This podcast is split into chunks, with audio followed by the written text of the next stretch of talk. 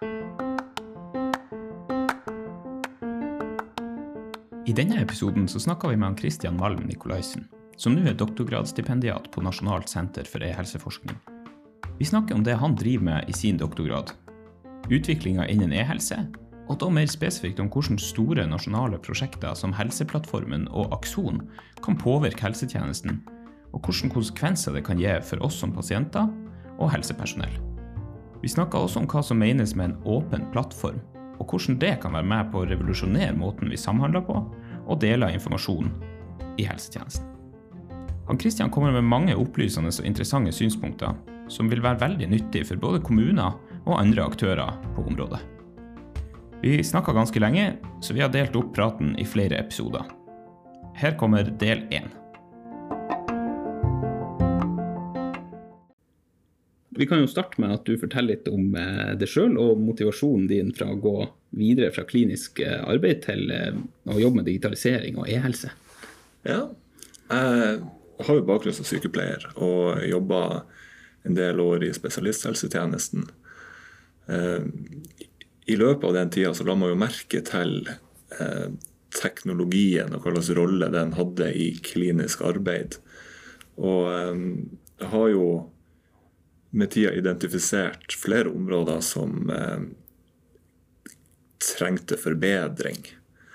Um, og da når eh, livssituasjonen gjør at tredelt turnus ikke er bærekraftig lenger, så var eh, videreutdanning over til eh, helseteknologi og medisinsk informatikk eh, noe som virka veldig interessant. Kan du fortelle litt om hva, du har, hva, hva du har gjort frem til nå? Både i den jobben du er i nå, men også tidligere? Ja, jeg har eh, fullført en master i e-helse. Og jobba der etter en del år i, i Helse Sør-Øst med, eh, med anskaffelse av klinisk IKT der. Før, eh, før muligheten åpna seg for å kunne jobbe mer forskningsorientert her på Nasjonalt senter for e-helseforskning. Så de tre siste årene så har jeg egentlig jobba hovedsakelig med utfordringer knytta til samhandling og deling av pasientinformasjon og strukturering av helsedata. En litt mer sånn overordnet, Hva er egentlig Nasjonalt senter for e-helseforskning? Hvem er dere underlagt, og hva, hva, slags oppgaver er det dere gjør? Vi er et, et, et forskningssenter med om lag 60 årsverk totalt. Vi får oppdragsbrev fra Helse- og omsorgsdepartementet eh, som beskriver mandatet vårt. Og, og, hovedformålet er å være både en kunnskapsprodusent, men også en kunnskapsformidler som kan bidra til å oppfylle og realisere en del av de overordna strategiene og målene for, for helsesektoren. Og da kanskje spesielt med det skiftet man har sett de ti siste årene der pasienten og brukeren skal ha en mer sentral og aktiv rolle i, eh, i sin egen behandling. Og hvordan man kan eh, få til mer helhetlige pasientforløp med, med sømløs flyt av helsedata på tvers av, på tvers av behandlingsnivåer og geografiske lokasjoner. Mm. For de som ikke kjenner forskning og det å være stipendiat, hvordan ser eh, hverdagen ut som eh, stipendiat, og hvordan er forløpet? og hva, hva, liker du med å være i den stillinga du har nå? Det å være stipendiat det gir ei, stor frihet å kunne fordype seg i, i, det man interesserer seg faglig for. Og så jobber man jo etter ganske rigid metodikk. Den kunnskapen man produserer, skal jo skal jo brukes av beslutningstakere. Både på myndighetsnivå, men også operativt i helsetjenesten med, med valg av løsninger, valg av systemarkitektur. Og, og, og da er det viktig at de, de anbefalinger og rådene man eventuelt kommer med gjennom forskning, er tufta på god evidens. Og da er det jo forskningsmetodikk som ligger til grunn.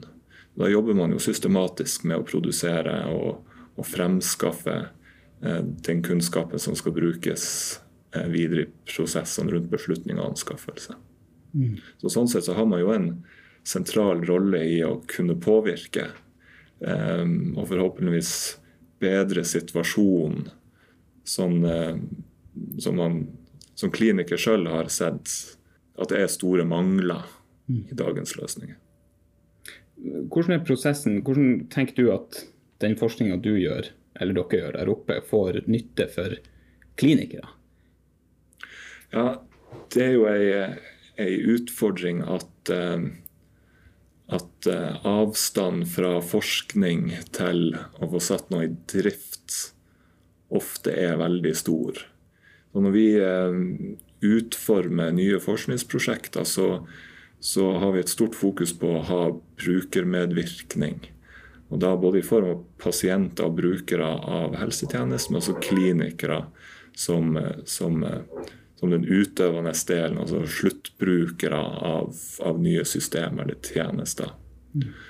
Og På den måten så håper vi å kunne gjøre forskning og, eh, forskning og kunnskapen såpass eh, nær til det faktiske feltet at det går an til å omsette det til, til eh, anvendbar kunnskap. Mm.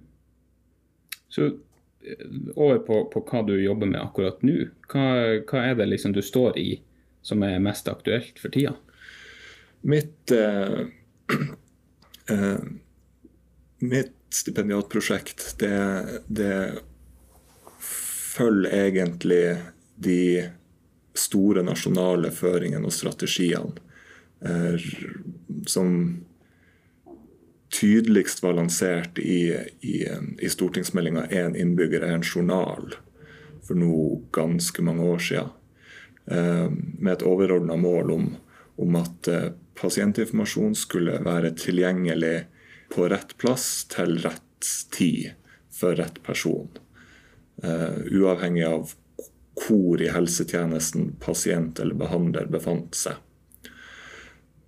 Mer spesifikt så, så fokuserer mitt arbeid på eh, strukturering av helsedata. Altså hva slags tekniske standarder man bruker for å modellere helsedataen.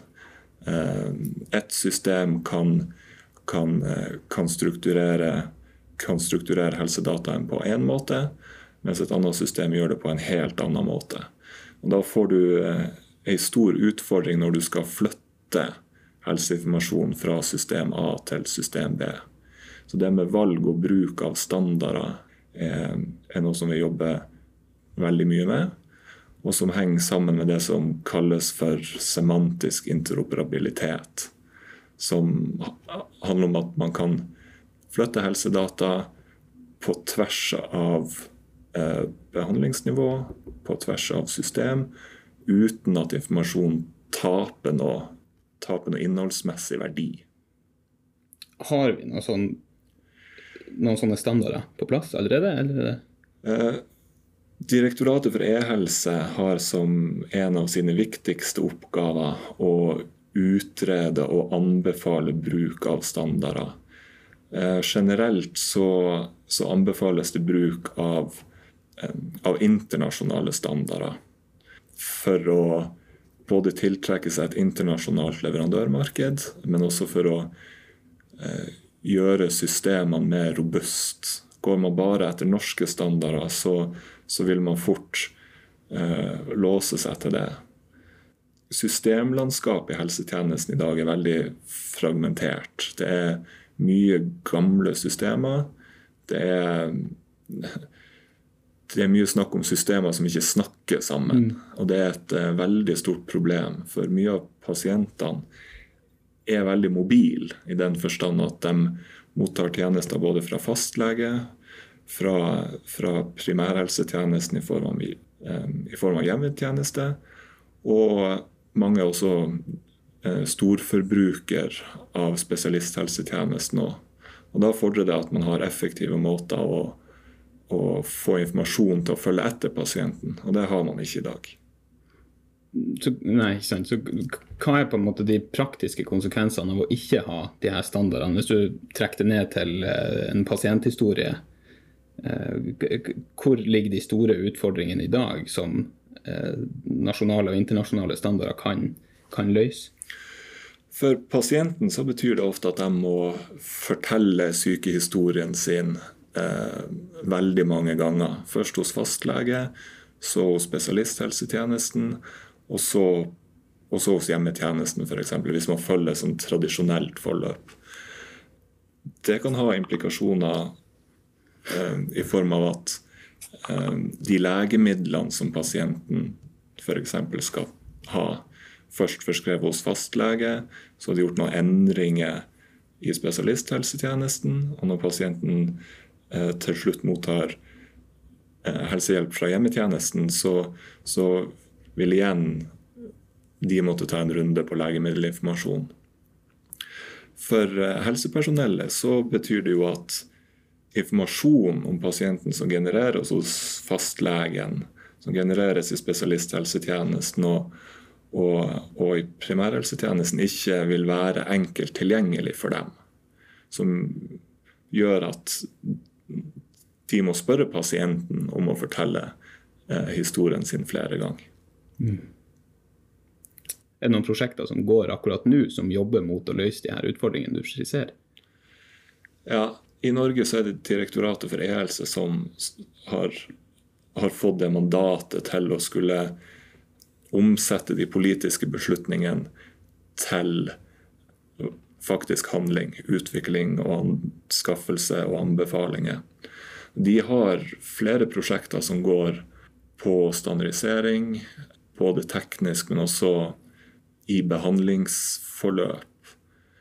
Og eh, mer synlig så er jo eh, Helseplattformen i Helse Midt-Norge eh, samt de omkringliggende trøndelagskommunene et stort prosjekt der det skal anskaffes felles journalsystem for spesialisthelsetjenesten og kommunene der. Og så er det et forholdsvis nytt prosjekt som heter, eh, som heter Akson. Som eh, skal, som skal, anskaffe felles journalsystem for hele primærhelsetjenesten. I hele Norge? I hele Norge, med unntak av de trøndelagskommunene. Og Det er noe som 280 kommuner som eh, som eh, i teorien skal ta i bruk samme journalsystem. Og det Formålet der er jo å, å prøve å få til bedre eh, samhandling og mer effektiv ressursbruk. For det at både helsepersonell og pasienten har dårlig tilgang til helseinformasjon i dag, det er veldig ressurskrevende. Men det at det foregår ett prosjekt i Helse Midt og ett prosjekt nasjonalt uten Helse Midt, er det, er det to parallelle prosjekt som skal sys sammen? Har du noe inntrykk av det, eller er det to frittstående eh, prosjekt? Det skal syes sammen eh, i form av at det skal være mulig å utveksle informasjon mellom de to. Eh, helseplattformen i Helse Midt er utpekt som er utpekt som nasjonalt prøveprosjekt for målbildet i stortingsmelding 'Én innbygger, en journal'. Akson følger også samme strategien. Og optimalt sett så skulle man jo høsta noen erfaringer fra Helseplattformen før man gikk i gang med et, eh, et eh, veldig komplekst og tilsynelatende tilsvarende prosjekt i primærhelsetjenesten. Men eh, tidslinja for Akson er at man starter en anskaffelse eh, nå ganske snart og kjører et utviklings- og implementeringsløp frem mot 2030. Og det er, er omtrent samme tidslinja som Helseplattformen opererer med. Hva anser, Hvis vi snakker om Helseplattformen først, hva, hva, er det myndighetene anser som å være de mest positive gevinstene av å kjøre et såpass omfattende prosjekt? Det snur jo litt om på sånn som vi har jobba i mange mange år. Hva slags, eh, Du har jo snakka litt om hvilke eh, utfordringer de prøver å løse, men, eh, men hva, hva er de største positive gevinstene de regner med å få ut av det? Rasjonalet med å skulle samle alle aktørene i ett system, er at du omgår mye av de utfordringene med informasjonsdeling på tvers av systemer. Du har alle i samme system. Og nå omfatter jo Helseplattformen hele regionen der, med rundt 80 kommuner og spesialisthelsetjenesten der. Og fastleger skal òg inkluderes i Helseplattformen. Der har de valgt et eh, system som heter Epic, som kommer fra en, eh, en, eh, en stor amerikansk leverandør. Og Epic har vært prøvd implementert i andre skandinaviske land. Og det man ser, er at de kulturelle utfordringene med å implementere et system som langt på vei er designa for en forsikringsdrevet og privatisert helsetjeneste, vanskelig lar seg oversette til eh, den skandinaviske eh, modellen med, eh, med, sosialisert helsetjeneste. Og sånn som i Danmark, så, så sliter de fortsatt veldig. Både med misnøye blant sluttbrukere, altså leger og sykepleiere som, som eh, har tatt Epic i bruk. Og det å få systemet til å passe til den kliniske arbeidsflyten. Jeg kan nok si at det er ukontroversielt å si at det å integrere Epic med tredjepartssystemer eh, er kostbart og delvis ressurskrevende. Mm. De leverer et produkt som fungerer veldig godt mange steder i, eh, i USA, men som sliter andre deler i verden. Eh, Epic er designa for å levere omtrent all funksjonaliteten klinikere og pasienten òg, for den saks skyld, har behov for i ei løsning. Mens vi er mer vant til at man, man setter sammen ei systemportefølje med flere systemer her. Ja, er det vi som må endre systemet vårt, eller eh, går det an å få, få systemer som passer bedre til vår eh, modell? Det å, å skulle tilpasse et system eh, som Epic til norsk kontekst er absolutt teoretisk mulig. Problemet er at det er ekstremt ressurskrevende. Du trenger veldig mye kliniske ressurser avsatt til å jobbe med utforminga av systemet. Det tar lang tid. Og endringstakta som tillates, er ofte ganske treg. Det tar lang tid å få implementert store endringer, og det tar lang tid å få et produkt som leverer nødvendig funksjonalitet. Det som eh, vi i markedet ser får mer og mer oppmerksomhet, det er en mer agil tilnærming, der man um, etablerer en, en, en, felles grunnmur eller en, en plattform i, um, i bunn som, som, består av en del teknisk eh, kjernekomponenter. Altså en del av de standardene, informasjonsmodeller for, for dataen. Eh, felles retningslinjer og krav til de leverandørene som skal, eh, som skal levere applikasjoner og systemer opp oppå en plattform eller grunnmur. Samt, samt modeller for styring, forvaltning og, og regulative regler og lovendringer som må på plass. Har man først etablert det, så har man et mer fleksibelt utgangspunkt for å kunne sette sammen systemøkologi, som man kaller det.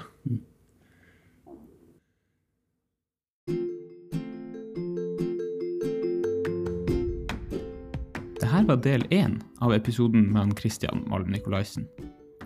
I neste episode så prater vi videre om Akson og hvilke alternativer som finnes til det prosjektet som allerede nå er skissert. Om du vil lese mer om Nasjonalt senter for e-helseforskning, Helseplattformen, Akson, eller om kritikken som er kommet mot disse prosjektene, så kan du se på lenkene i beskrivelsen av podkasten. Om du har tilbakemeldinger, tips til tema, eller vet om noen som vi burde prate med, så er det bare å ta kontakt. Del to av praten med han Christian kommer før du vet ordet av det.